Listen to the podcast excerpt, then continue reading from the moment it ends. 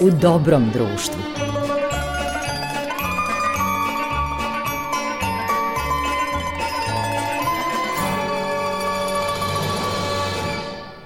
Poštovani slušalci, dobrodošli u novo izdanje emisije U dobrom društvu na talasima prvog programa radija, radio televizije Vojvodine. Naš e, današnji gost e, je reditelj sada već srednje generacije, Dušan Milić, koga pamtimo po filmovima Jagoda u supermarketu, Guča, Travelator, a čini mi se najviše po seriji koja je otkrila tamnu stranu estrade, e, svima dobro poznata, vrlo gledana serija Folk. Pored ove televizijske serije, Dušan Milić priprema još neke, a još uvijek je aktuelan e, film Mrak, potresna priča o životu Srba u kosovskim enklavama. Reditelj Dušan Milić bio je član žirija zvanične selekcije 15. Kustendorfa koji se ove godine održao u majskom terminu i tom prilikom zabeležili smo ovaj razgovor.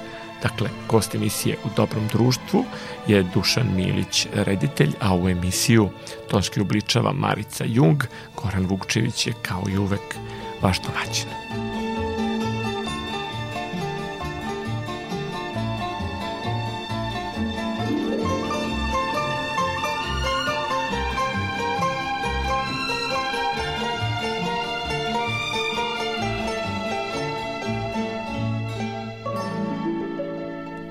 Hvala ti, Dušane, što si odvojio vreme za prvi program radija, radio televizije Vojvodine, emisiju u dobrom društvu i posebno mi je zadovoljstvo što se nalazimo na Mokroj gori ovde u Drvingradu gde si član žirija 15. Kustendorfa, pa ovde beležimo ovaj razgovor. Kako si, šta se radi?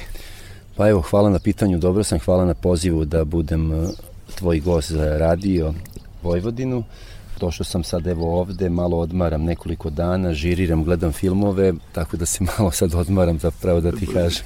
I ja sam par puta bio u žiriju, znam da je to mnogo lep posao. Jeste, nije, to je super Svi je posao. Svi te poštuju i onako, ako su dobri filmovi, onda i uživanje. Jeste, jeste i uživanje i, vo, i volim da gledam filmove, tako da mi i to, nek, to su sad kratki filmovi, što je još zanimljivije, pošto mogu da pogledam više filmova odjednom. Da, manje napor nego jeste, kad mora da se odgleda jeste, pet celovečernji jeste, jeste.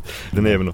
Jesi uspio da se odmoriš od snimanja filma Mrak i od svega što je pratilo premijeru? O jesam, odmorio sam se odavno, taj film je sniman 2019. godine, čekali smo zbog čitave ove situacije, znači prvo je postprodukcija malo duže trajala zbog korone koja se baš pojavila tu negde početkom 2020. kad smo mi počeli tu postprodukciju, pa je onda bilo se od svih tih a, da kažem, filmskih dešavanja po svetu sve bilo pozatvarano, tako da smo film pustili tek ove godine, a on je bio praktično ispreman drugoj polovini prošle godine da bude pušten, međutim sve to bilo zatvoreno zbog korone, da smo sačekali 2022. i evo sad smo startovali pretpostavljam da se novi projekti spremaju, ali da, da se zadržimo još oko filma Mrak, imam utisak da prosto tema kojom se bavi nije u interesu jeli, onih koji vladaju svetskom političkom scenom, pa je nezasluženo se malo našao na stranim festivalima, iako je jedan, da tako kažem, dobar, dobro urađen film sa drugačijom temom, sa drugačijim pristupom kosovskoj tragediji, koji mislim da dobro može da komunicira sa svetom i da prenese e, muku srpskog naroda, ali očigledno da to politički nije podobno što se tiče svetskih nekih planova. Jeste, tako je bilo. Eto, mi smo, imali smo praktično samo dva strana festivala a, za ovaj film. Jedan je u Trsu, drugi u Sofiji. Vidjet ćemo da li će uslediti poziv za neki treći festival, ali u principu i ta dva festivala, pošto mi imamo tu veliku koprodukciju sa još, pored Srbije, još četiri zemlje, taj Trst, odnosno Italija i ta Sofija, Bugarska, oni su bili očekivani da će da budu, pošto u tim zemljama svakako mora da distribucija ovog filma, pošto su nam to a, partneri koprodukcioni. A, tako će biti i sa Grčkom i sa Danskom, verovatno, mada Danska nema filmski festival, koliko ja znam, a, Grčka, možda će u Grčkoj da bude pozvan, možda recimo na Solunski filmski festival ove godine, možda i neće, vidjet ćemo, ali jeste, to je, to je tema malo van tokova a, svetske politike trenutne, posebno sada posle ovih dešavanja u Ukrajini sa ratom u Ukrajini, Tako da eto, a mislim da je ta tema Kosova, tog pogleda na Kosovo sa srpske strane, a nije baš nekom velikom interesu tih nekih glavnih programera i, i direktora velikih festivala. Ja sam očekivao da će film, pošto mislim da je film dobar, da će imati premijeru na nekom značajnijem festivalu u svetu, ali eto, tako se desilo, ali nije, mislim, to nije ni prvi ni poslednji put verovatno za, ne za mene, nego za bilo koga uvek može nekome da se desi takva neka stvar. Da, mi još uvek živimo te posledice i još uvek nam je dodeljena ta uloga negativaca, tako da ne sme da se naširoko prikaže naš bol i naša muka, koji su ovde iz ugla jednog deteta, neobičan je ceo pristup, film je tako da kažem, ima dobar ritam, iako je jedna lokacija, mali broj glumaca, mali broj protagonista, ali čini mi se ovako za naše prilike jedna vrhunska produkcija.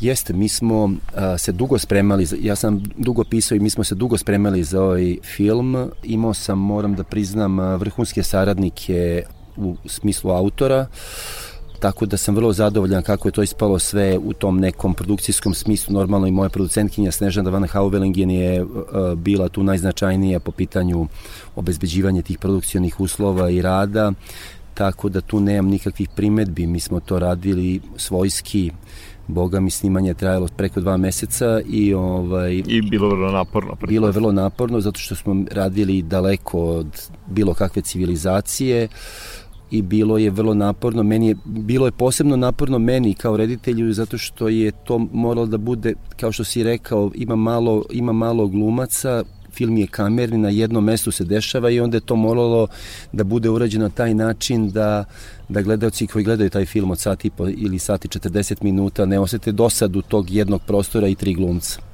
To je nešto što, o čemu sam sve vreme razmišljao iz ovog profesionalnog ugla naše struke, koliko je u stvari to teško, a koliko je to postignuto.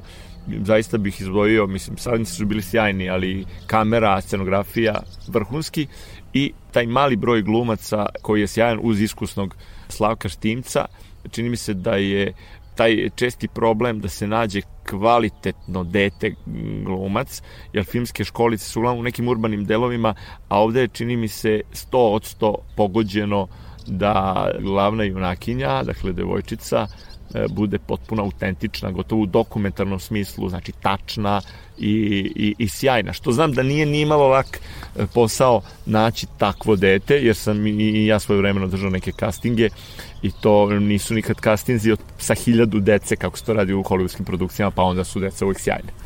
Tako je. Mislim, meni je bilo uh, vrlo važno da sad kad sam radio ovaj film, ja sam želeo da, da devojčica kojem je bila glavna junakinja, kojem je glavna glumica praktično u ovom filmu, da ona ne bude dete neko iz neke filmske škole ili neke filmske radionice, ne, de, neke glumačke radionice za decu. Ja sam insistirao na tome da moram da nađem dete iz tog nekog podneblja sa Kosova ili tu negde u okolini Kosova, malu Mionu smo našli u Prokuplju Znate, kad radite casting sa decom, vi ne možete da radite casting eh, danas pa da snimate za šest meseci ili za godinu dana film. Ne možete da nađete dete mnogo, mnogo napred. Mi smo radili casting bukvalno tri nedelje pred početak snimanja, ali smo radili po 24 sata moj casting reditelj Boban Dedejić koji je jedno veliko ime u, u, u svetu, da kažem, castinga u, u, u Srbiji i na ovom prostoru uopšte u ovom regionu tako da smo radili non stop, to mi je bio mo, moguće i jedan najtežih eh, najtežih delova rada na ovom filmu, znači pronaći tu devojčicu. Mi smo imali preko stotinak devojčica koje smo izabrali, to je neki uži krug i od tog uže kruga smo napravili desetak devojčica koje su figurirale do samog početka snimanja koja će biti od njih u filmu. Nijedno te dece, tih devojčica nije znalo čemu se radi, niti je dobilo scenario, niti je niti smo im ispričali bilo kakvu priču, meni je bilo bitno samo da se sretnemo i da napravimo dobar kontakt sa tom decom i da onda na, i na licu mesta, pošto ne sa decom koji nisu, ili sa uopšte sa ljudima koji nisu školovani glumci, vi nemate nikakvih priprema, to mora se radi na licu mesta, zato mi je snimanje malo duže trajalo, zato su bili ti snimajući dani vrlo naporni, jer sam ja morao da imam potpuno drugi pristup sa Slavkom Štimcem i sa Danicom Ćučić sa jedne strane i sa malom Mionom na, sa druge strane i mnogo sam očekivao pomoć i dobio sam i u najvećoj mogućoj meri od Slavka i od Danice da pomognu tom detetu da se snađe ispred kamere. Znači, u stvari, suštinski je bio taj odnos koji će ta devojčica da razvije sa njima tokom snimanja. Tako da mislim, kao što sam rekao negde ranije, ovaj, taj film ne bi bio ništa da ta devojčica nije bila dobra. Mislim, tu bi sva genijalno Slavka Štinca i Danice Ćučić kao glumaca pala u vodu ako bi ta devojčica bila i ole i malo lošije nego što jeste u filmu.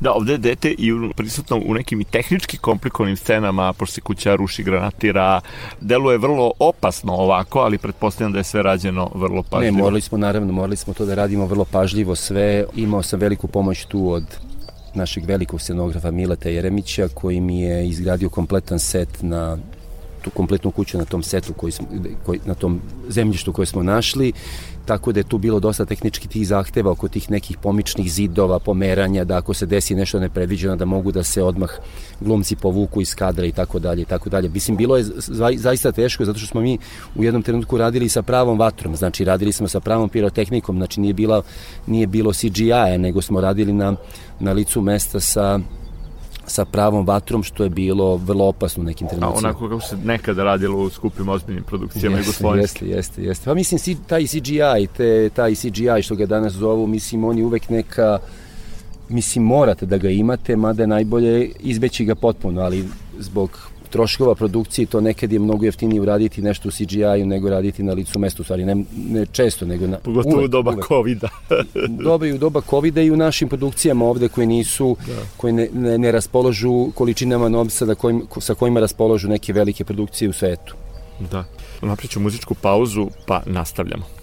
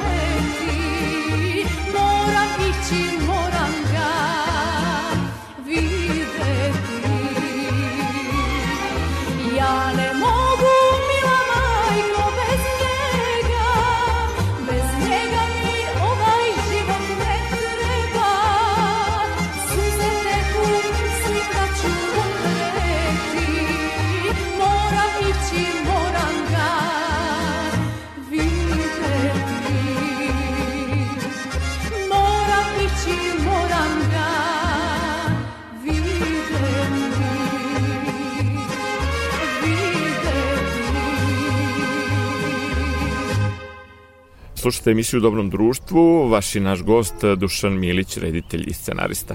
Dušane, da se vratimo malo na početak tvoje karijere, Jagoda u supermarketu, Guča, to su sigurno filmovi koje pamte gledalci. Koliko sećam Branka Katić u Jagoda u supermarketu. To sam imao baš onako nekako, kako bih rekao, a u tom trenutku a, a podelu u Glumačku, to su bili Branka Katić, Srđan Todorović, Dubar Kambinjatović, Gora Radaković, Danilo Lazović, Mirjana Karanović, e, Nikola Simić i tako dalje i tako dalje. Sada ne nabrajam sve, to je bilo yes. to je bio moj prvi film i to mi je bilo onako neko da kažemo to vatreno iskustvo posebno u tom glumačkom smislu, ali ovaj, ja uvek sam voleo glumce, uvek sam voleo nekako sa njima, naj, najviše se van u ovom nekom filmskom svetu, najviše se družim sa glumcima privatno, tako da mislim da je taj njihov posao jako težak i da je to vrlo zahtevan posao, da je to nešto što oni ne mogu da se sakriju iza nekog drugog ili iza nečega, u, u mom slučaju ja mogu da se sakrijem iza kamere i da probam nekim uh, trikovima, iskustvenim nekim metodama da rešim situaciju kada sam u problemu, kod njih nažalost to nema. Kamera je nemilosredan beležničar uh, svakog treptaja, svake emocije koje se pojavi u tom trenutku na glumačkom licu. Jeste, i oni tu nemaju popravnog, dok mi kao reditelji možemo tu da im pomognemo, a možemo i neke svoje e, zablude da delimično popravimo u postprodukciji. Tako je, tako je, jeste. E, naš profesor Gilić, kod koga si ti završio? Pa ja sam završio režiju na Fakultetu dramskih umetnosti. Mi nismo imali, uh, nismo imali profesora koji nas vodi čitavu generaciju kroz sve, kroz sve godine. Praktično ja sam počeo kod uh, Gorana Markovića i Goran Marković je bio moj profesor na početku fakulteta, pa su se onda profesori menjali na kraju, ali praktično mogu da kažem da Gorana Markovića smatram za svog profesora sa, sa FDU-a prvog, da kažem. Da, nama je bio Vlatko Girić profesor i šef naše klase i on nas je terao uh, u stvari govorio sve što niste spremni sami da uradite, nemojte to tražiti od glumaca. I terao nas je na prve dve godine praktično jedni drugima da glumimo u etidama i u kratkim filmovima kako bismo prošli sve to odlično, ono to je odlično, što su težine tako glumačkog zanata. Tako, tako je, tako je. Bez obzira što smo mi najčešće loši glumci, ali to je vrlo bitna stvar da, da mi shvatimo. Da, su češće da, loši kao što najčešće loši glumci. Kao što recimo slikari teško kad gostuju na televiziji radio teško samo poneki možda rečite. Izražavaju se prosto na drugi način. Da. Slikari, pa nekad i muzičari. Jeste, jeste. Ali ovo kad, kad smo dotakli glumce, ti si recimo u Guči radio sa na Turčicima. Tu je ovaj Marko Marković, trubač, šampion trube, ne mislim na Marka Markovića, kolegu da, glumca. Da i tu je bila ova debitantkinja, čini mi se, u glavnoj jeste. ulozi Plava pa i ona, jeste, Aleksa Saška Manasijević i ona da. je u tom trenutku bila praktično na Turčik, pošto je ona to, tada imala 16 godina, ona je imala možda, ona je posle toga dobila želju da se bavi glumom, ali ona je sada glumica, ali tada nije bila. To mi je bio vrlo komplikovan film za realizaciju, jer tu sam uglavnom radio sa natučicima, tu je bilo svega nekoliko profesionalnih glumaca, sve ostalo su bili natučici. To mi je bila ideja, ja sam hteo da imam taj neki, da kažem, dokumentaristički malo, evo sad je na Kusendorfu aktualan Pazolini, on je jedan, moj, uh, jedan od mojih omiljenih reditelja, ja sam uvek voleo taj neki njegov izraz i u stvari taj film sam hteo da izgleda malo Pazolini. Da, i on je, i on je kompinovao na naturčike i profesionalce. To sam želeo da baš ispadne malo tako Pazolinijevski, tu je bila kamera iz ruke, malo prljavo. Htio sam da imam taj neki dokumentarističko-poetski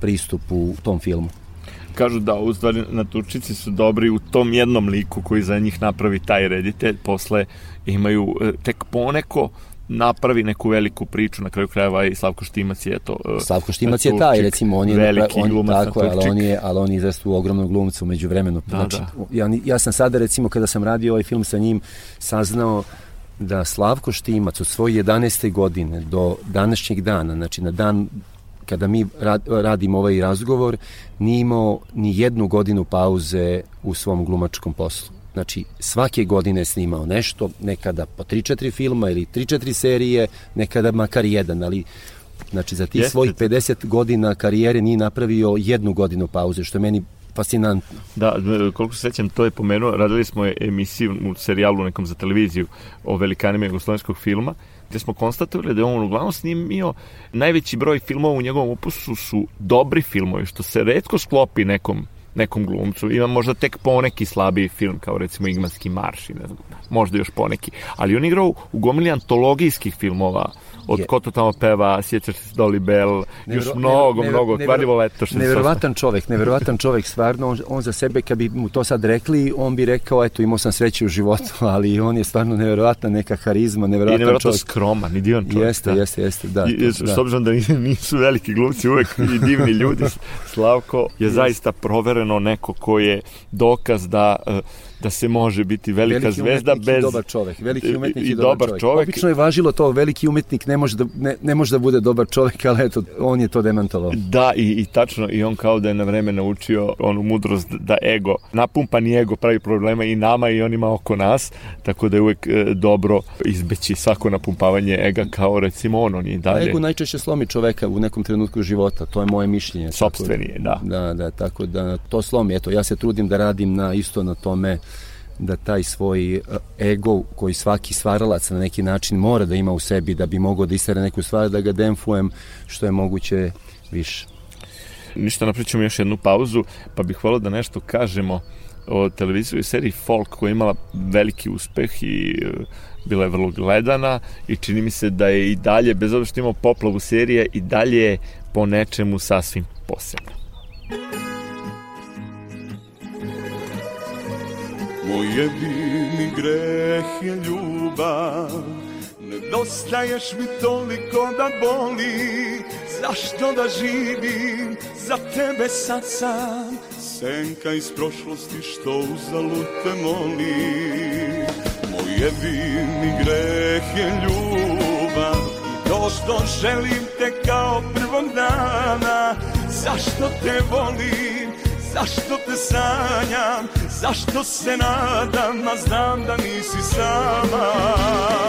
Umrem li, bit će to od srca, život mi Kao kazna dođem, nekom si Med i slatko grožđa, meni noć nikada prođe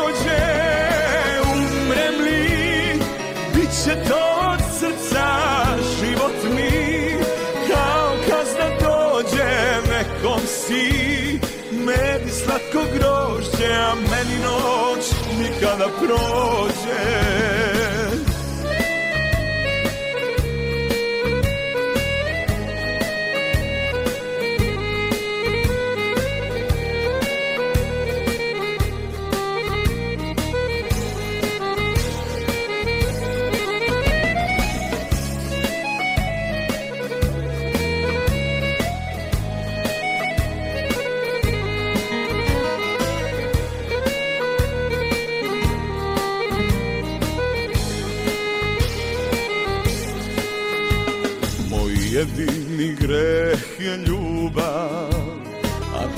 te su bile sve sa strane. Smiluj se pruži još jednu šansu. Muškarcu koji spreman je na pokajanje. Moj jedini greh je ljubav. To što želim te kao prvog dana. Zašto te volim, zašto te sanjam? Zašto se nadam, a znam da nisi sama Li, bit će to od srca Život mi kao kazna dođem Nekom si med i slatko grožđa Meni noć nikada prođe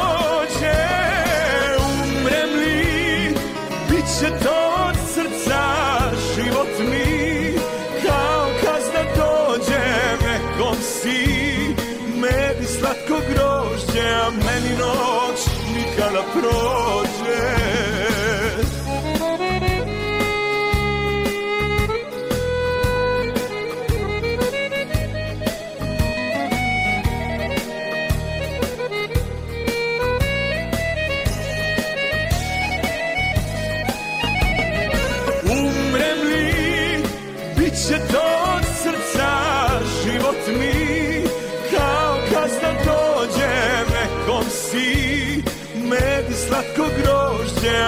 noć nikada prođe. Slušate emisiju Dobrom društvu, vaš i naš gost Dušan Milić, scenarista i reditelj i rekli smo da ćemo o seriji Folk. Tu si imao isto mladu glumicu kao protagonistkinju na vrlo ozbiljnom zadatku. Tu je bilo i pevanje i moralo i dobro da se peva i, i da se dobro odigra lik. A onda si tu imao jednu galeriju vrhunskih glumaca koji su se našli u, u malo neobičnijim izdanjima, ne znam, od Bijele, Boris Isaković, provereni i, i sjajan ko je tu bio još Jasna Đuričić, Jasna Đuričić Nataša bilo, Šolak, Tapušković. Bio je, da, Marko Živić, e, bila da, je Marko. Jeste, Miljana Gavrilović, e, mlada glumica u tom trenutku, tek izašla sa akademije, ona Migela, e, praktično glavnu ulogu i ima, tu se pojavljuju još razni Viktor Savić, sad isto da ne nabrajam Miloš Đorđević i tako da ne nabrajam sad sve glumce, bilo ih je mnogo, mnogo glumaca u tom filmu. Za mene je bilo onako uh, zadivljujuće koliko si ogolio tu neku surovu realnost iza pozadine tog blještavila srpske estradne scene, koliko tu u stvari ima jednog potpunog užasa a onda recimo i, i setio sam se i te serije kad se desio zločin koji još uvijek nije rasvetljen nad Jelenom Marjanović koji sam dve godine ranije sam sasvim slučajno upoznao jer sam bio na jednoj proslavi gde su kolege iz državnog posla sedeli smo zajedno sa par zvezdi Granda i ona je za mene tada bila potpuno nepoznata i tu smo se upoznali čak i kratko razgovarali. Dakle, to što se dešavalo oko recimo tog tragičnog slučaja porodice njenog, njenog supruga opet koji isto neko ko stvara zvezde sličan ovom liku nekim likovima iz eh, TV serije Folk to suočavanje koliko je bilo teško ući u taj svet i da li si, da li si imao problem Nisam imao problem, ja sam se za tu seriju stvarno, to je bio meni nekako vrlo važan projekat u tom trenutku uh, života, ja sam se vrlo pomno i vrlo uh, dugotrajno spremao za tu seriju, za taj scenarij dok sam pisao, upoznao sam mnoge, znači nalazio sam se sa mnogim uh, da kažem pevačima i pevačicama koji su ne, neki od njih su se posle pojavili u seriji. Ono što se zna što se uopšteno zna o nekim prvim počecima te neke naše turbo folk scene uh, kako su se te neke mlade pevačice u tom trenutku probile. One su mi služile kao neki prototip da napravim tu svoju glavnu junakinju. Uh, nije bilo, nisam imao problema nikakvih. Ali... A koliko je bilo iskrenosti do kraja ovaj, na pripremama od ljudi koji su učesnici svih tih zakulisnih, da tako kažem, radnji puteva čudnih puteva do velikih pa, estradnih uspeha. Ja nisam imao, mislim, ja nisam sa njima imao, sa nekima sam imao, neko, neko nije hteo da se pojavi. Recimo, ne znam, ako se sećaš, bilo je u toj seriji nekoliko pevačice, pevača koji su se pojavili kao koji su igrali sebe, koji su da, pevali da, da. više manje. Tako Pojave su se... doprinali dokumentarnost. Tako, ja sam to želeo da to bude taj neki, da, da ga nazovem malo brutalni uh, realizam u nekom tom stilskom pristupu, ali malo sa tim nekim, da kažem, uh, stilskim uh, nekim dodirima isto jednog od mojih omiljenih reditelja Rainera Wernera Fassbindera.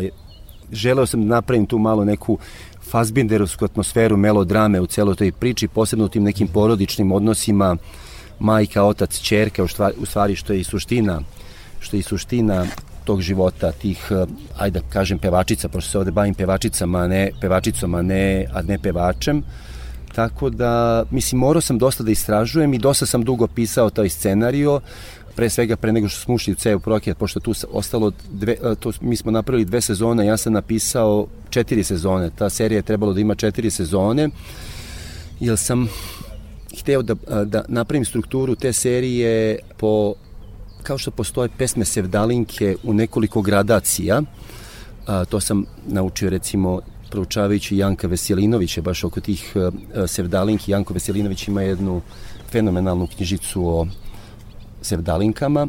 E, I po, hvala ti, to, to ću morati da pogledam. I, I postoje četiri vrste gradacije tih sevdalinki, znači sad govorimo o pesmama sevdalinkama koje postoje 100 godina unazad. Ima taj, taj prvi, znači prva sezona serije Folk je trebalo da bude Rahatluk se zove prva gradacija sevdalinke, to je sreća, veselje, radost, želja za životom i to je ta mala devojčica koja hoće da postane zvezda i koja uz pomoć svojih roditelja se uziže iz tog nekog blata svog, nekog sela da, uh, nekog, iz neke besperspektivnosti. Tako je. Onda imate druga, druga sezona je bila taj Dert, znači ulazak u Dert Bore Stanković je ulazak u taj sumanuti bizarni svet uh, te neke estrade. Onda imamo taj treća sezona je trebalo da bude Sevdah, Znači to je ono što, se, što Janko Veselinović definiše kao bolest od ljubavi. Tu je već polako krenuo bi njen sundovrat nizbrdo i poslednja sezona je trebalo da bude bazirana na pesmama, sevdalinkama koje u svojoj osnovi imaju kara sevdah. A kara sevdah je u stvari crni sevdah i to je u stvari bolest od ljubavi na smrt i ta serija je trebalo da ima potpuno neki drugi tok nego što je sada urađen ove te dve sezone. Znači to je trebalo da ispriča kompletno no zaokruženu priču od uspona do sunovrata te mlade devojke, tog mladog bića koja prolazi uh, sve i svašta i u, naravno ona ne, ne umire ona na kraju, ne bi ona umrla na kraju, ali u tih svojih recimo 10 godina nekog života na estradi i u svojoj 25. godini doživljava potpuni slom duša. To je trebalo da bude, mislim, to je bila mračna dosta serija, zamišljena. Mi smo izveli samo te dve sezone, pošto više nije bilo interesa za da se to nastavi, ne znam iz kog razloga. Radili smo za televiziju koja nije imala možda kapacitet u tom trenutku da, da istera sve to do kraja, ali eto, to je bio neki začetak možda ovog serijskog programa kako poznajemo danas. Mi smo počeli da radimo to 2011. kada još uvek nije nisu, još nisu bile zaživele te prave, kao da kažemo, dramske serije na našim televizijama. To je tek bio početak. Jeste, u stvari meni se čini da je tu, e, s obzirom da je Bijela tu bio bitan učesnik e, i pred kamerom i iza kamere, meni se čini da se tu nekako već nagovestilo da će ovaj da se napravi jedan film Toma koji će da doživi takav uspeh.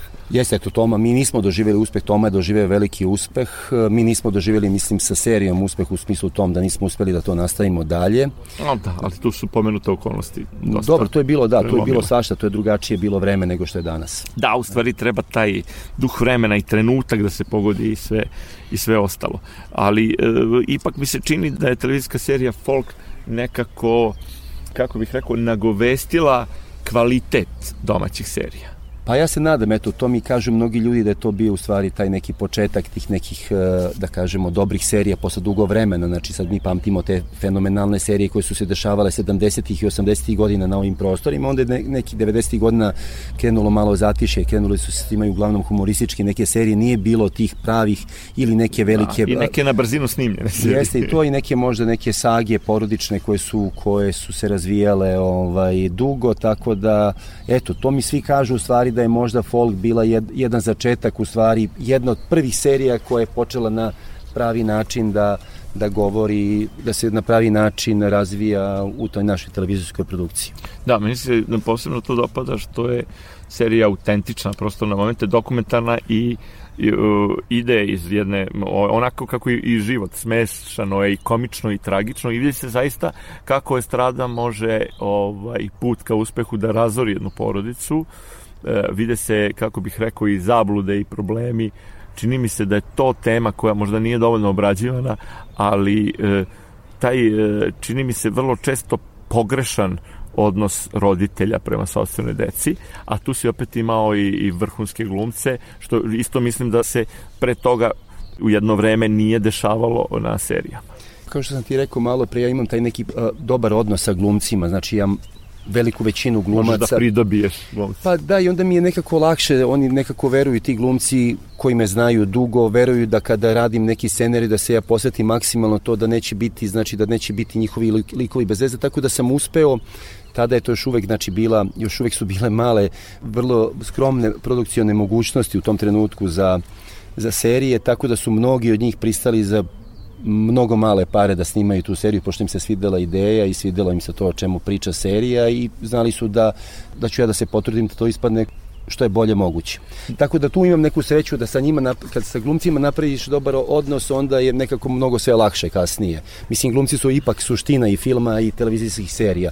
Mi ostali smo nekako iza samo da pomognemo da, da oni iznesu emociju na pravi način s obzirom da sam prošao iskustvo da se sa, da tako kažem, skromnim budžetima radi nešto što treba da izgleda mnogo skuplje, mnogo glamuroznije, tačno sam mogao da prepoznam tvoj trud da nešto zašto možda i nije bilo dovoljno para izgleda vrlo dobro u produkcijskom smislu. Pa to smo se trudi, to se uvek, uvek se svako trudi, mora da se prevaziđu ti neki momenti kada lako je raditi sa velikim parama, znate, ali ovde kod nas nije uvek e, to moguće, najčešće nije moguće, tako da eto, moramo da se snalazimo nekako.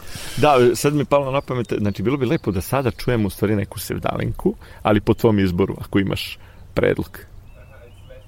Pa recimo, ja sad ne znam da li Sevdalinku, ali ja recimo mnogo volim tu pesmu koja se pojavila u, u seriji Folk, Zbog tebe se zove, Slobodan Samarđić je pisao, autor, autor jeste, on je inače e, bio on je izbjeglica iz Sarajeva, ali se nastanio u vašem, u tvom gradu, u Novom Sadu, živeo dugo godina dok nije umro.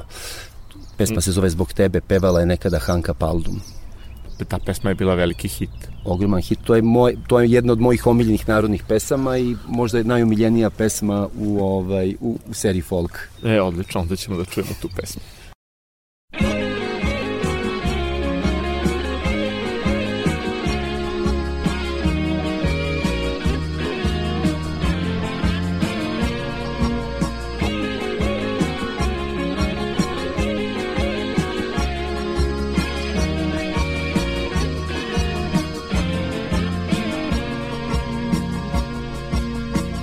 Te čekam ove noći i nadam se da ćeš doći da ti svoju ljubav opet dam.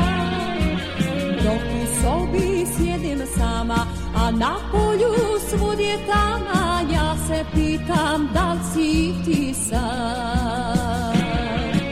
Zbog tebe ostavit ću sve, sa tobom i svugdje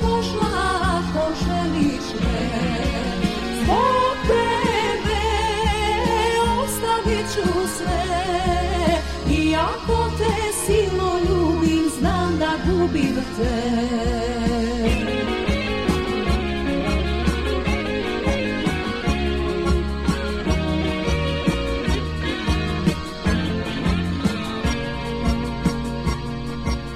I dok sati skoro teku, gledam blijedu sliku neku, kad si bio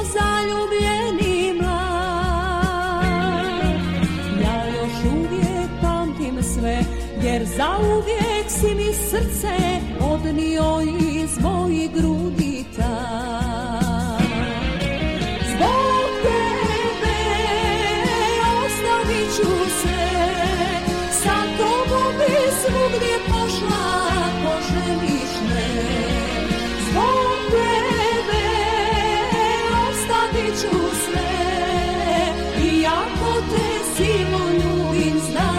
znam da gubim te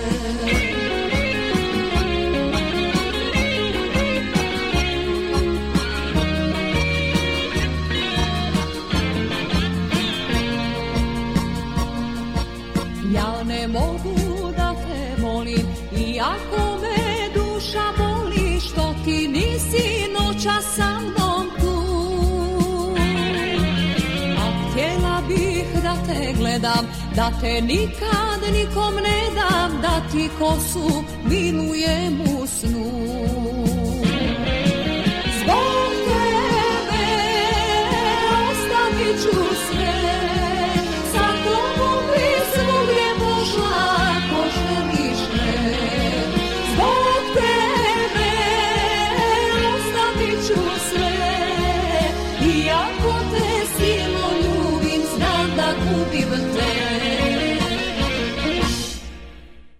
Slušajte emisiju Dobrom društvu. Razgovaram evo na mokroj gori o, dok o, ovako sunce polako će da nas ogreje ovde posle dva hladna dana. Čini mi se da proleće konačno, konačno ovde stiže. U društvu sam kolege Dušana Milića, scenarista i reditelja. Nismo pomenuli film Travelator, koji je, čini mi se, isto vrlo ambiciozno zamišljen, s obzirom da se dešava u Las Vegasu. E, imam utisak da baš nije čitav rađen tamo, je tako? Nešto ipak jeste. Ne, to je film je rađen bukvalno pola-pola, znači ja sam imao paralelnu priču, pola se dešava u Americi, pola se dešava u Srbiji, znači tom nekom izbjegličkom naselju, tako da smo mi praktično, mi smo snimali u Americi jedno, na primer, tri nedelje, tri po nedelje snimanja je bilo tamo i ovde u, u, u Srbiji bilo snimanje isto toliko, oko tri, tri po nedelje. Tako da sam miksovao te neke, probao sam da izmiksujem u stvari te neke čudne uh, paralelne priče koje se dešavaju istovremeno na dva mesta ako nemaš sačuvan baner filma Travelator, mogu ja da ti dam moj, ako ga imaš, onda ću ga sačuvati u svojoj kolekciji. Sjajan Nikola Rakočević, stvarno ne sjećam se da je nešto snimio, a da nije bio i drugačiji i odličan. Jedan možda od najboljih e, glumaca novije generacije, od kad se pojavio. Koji su tu bili problemi produkcijski? Tu su bili veliki problemi. Prvo, taj film je bio specifičan zato što ta vrsta priče nije mogla da, da dopre do nekih stranih koproducenata. Radili smo samo sa novcem koji smo dobili praktično u Srbiji, što je bio nedovoljan novac i onda sam morao da se snađem da taj film eh, bude rađen eh, sa minimalnom ekipom, sa minimalnom tehnikom i sa u tom trenutku eh, potpuno nezamislivim radom sa fotoaparatom. Znači, mi smo taj čitav film snimili digitalnim fotoaparatom i na to sam užasno ponosan što smo uspjeli da dobijemo taj kvalitet slike sa jednim, da kažem, amaterskim snimajućim sredstvom. Imam utisak da je film nekako tiho prošao. Nije bilo interesa za tu vrstu filma u tom trenutku u Srbiji. Znači, taj film je, kata, ne da je tiho prošao, ni katastrofalno prošao kod gledalaca.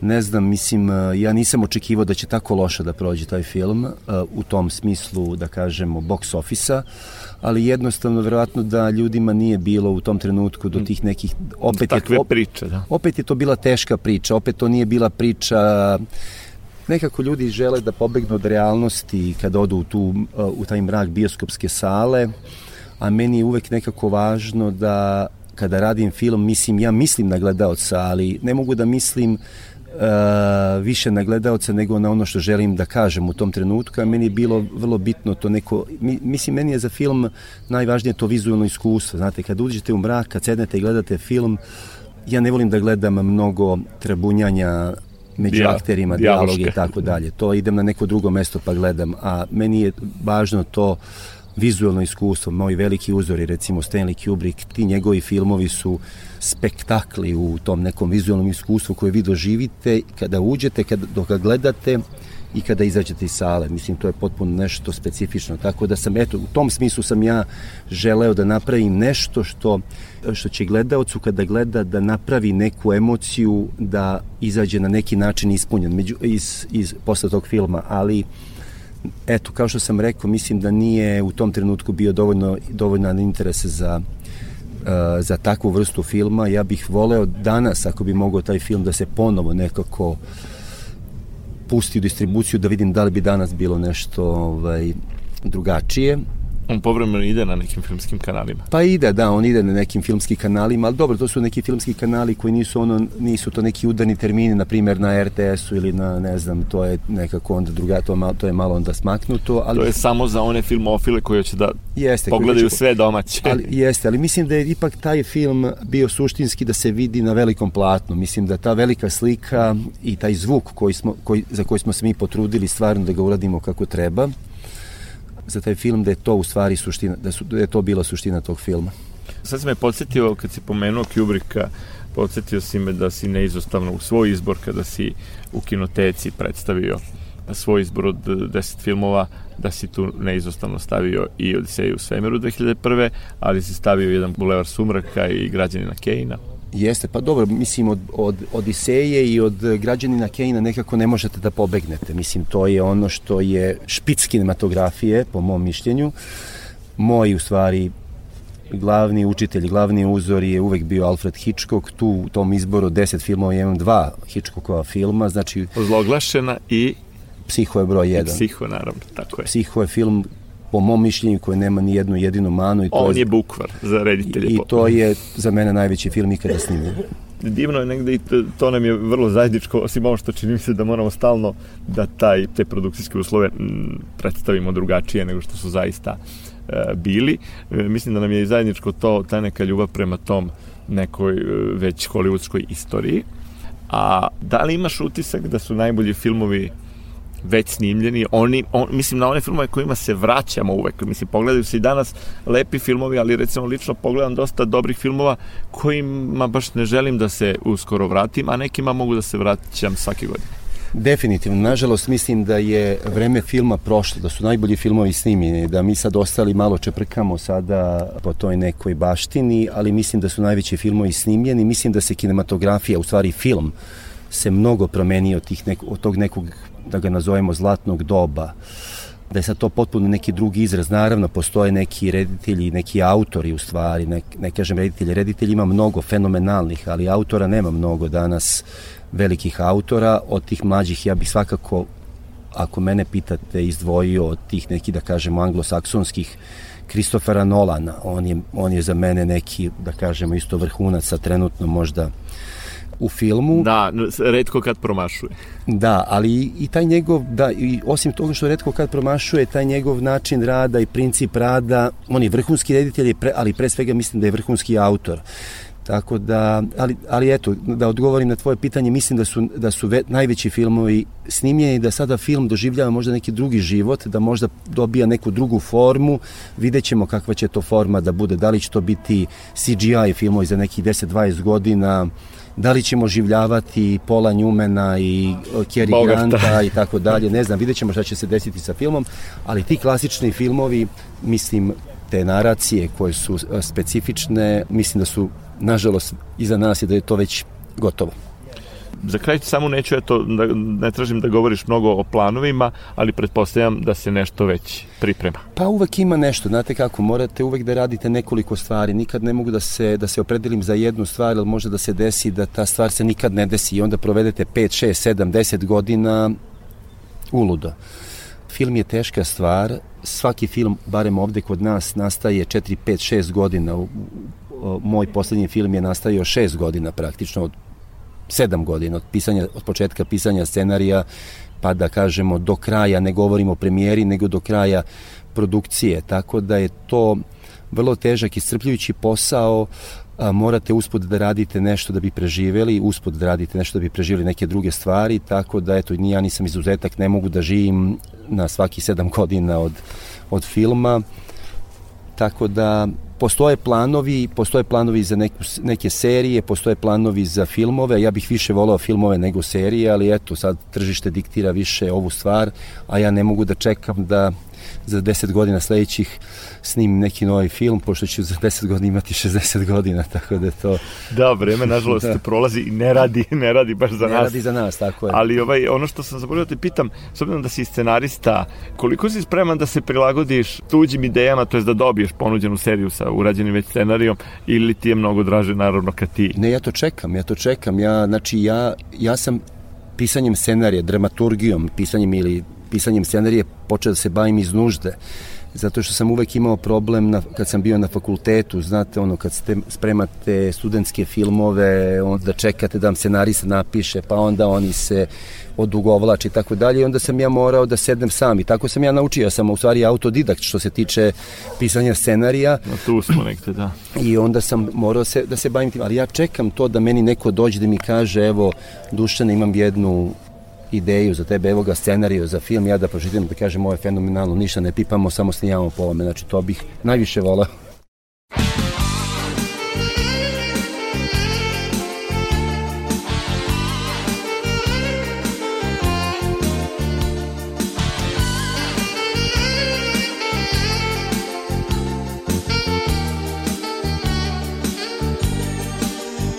ženama svim Bio sam vatra, crni dim, bio im dara, tebi stvar navike. Odavno znam, proklet je bio onaj dan, domaće vino prvi put ti i ja.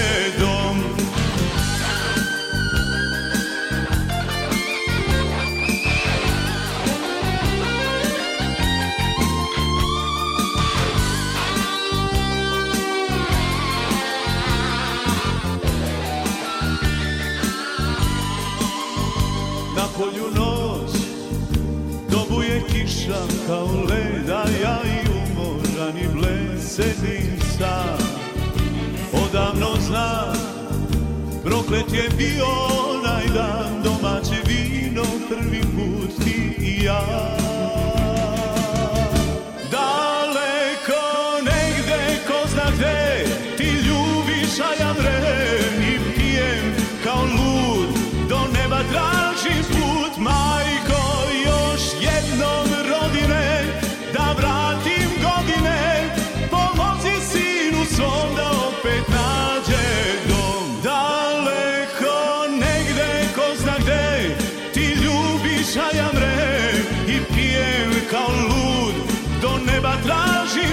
Majko još jednom rodi me Da vratim godine. Pomozi sinu svom da opet nađe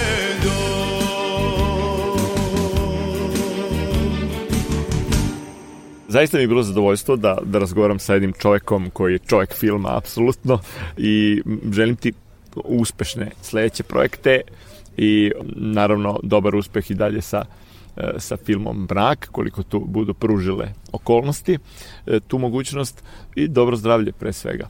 Hvala Svako puno, dobro. hvala. Sve, sve isto ja tebi želim. Hvala puno. Hvala, bio je ovo Dušan Milić, e, reditelj i scenarista. Vi ostanite u dobrom društvu i sledećeg petka čekat će vas Marica Jung, koja tonski uobličava ovu emisiju i Goran Vukčević, urednik i domaćin emisije u dobrom društvu. Ostanite u dobrom društvu. Svaki čovek ima dragu Svaka briga ima nadu Sunce posle kiše dugu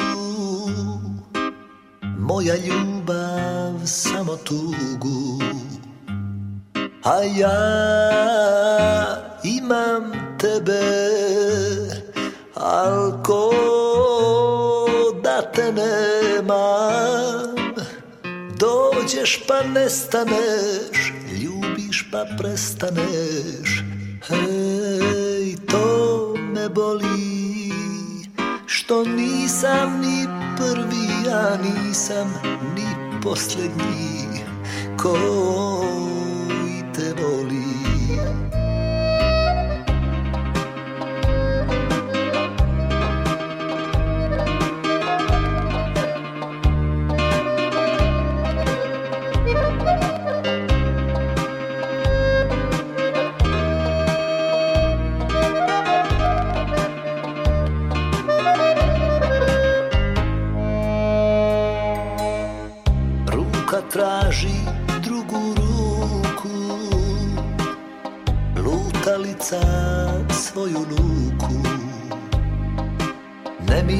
čašu da ga blaži.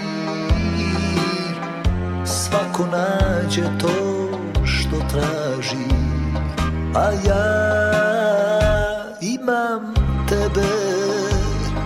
Al ko da te nemam Dođeš pa nestaneš Ljubiš pa prestaneš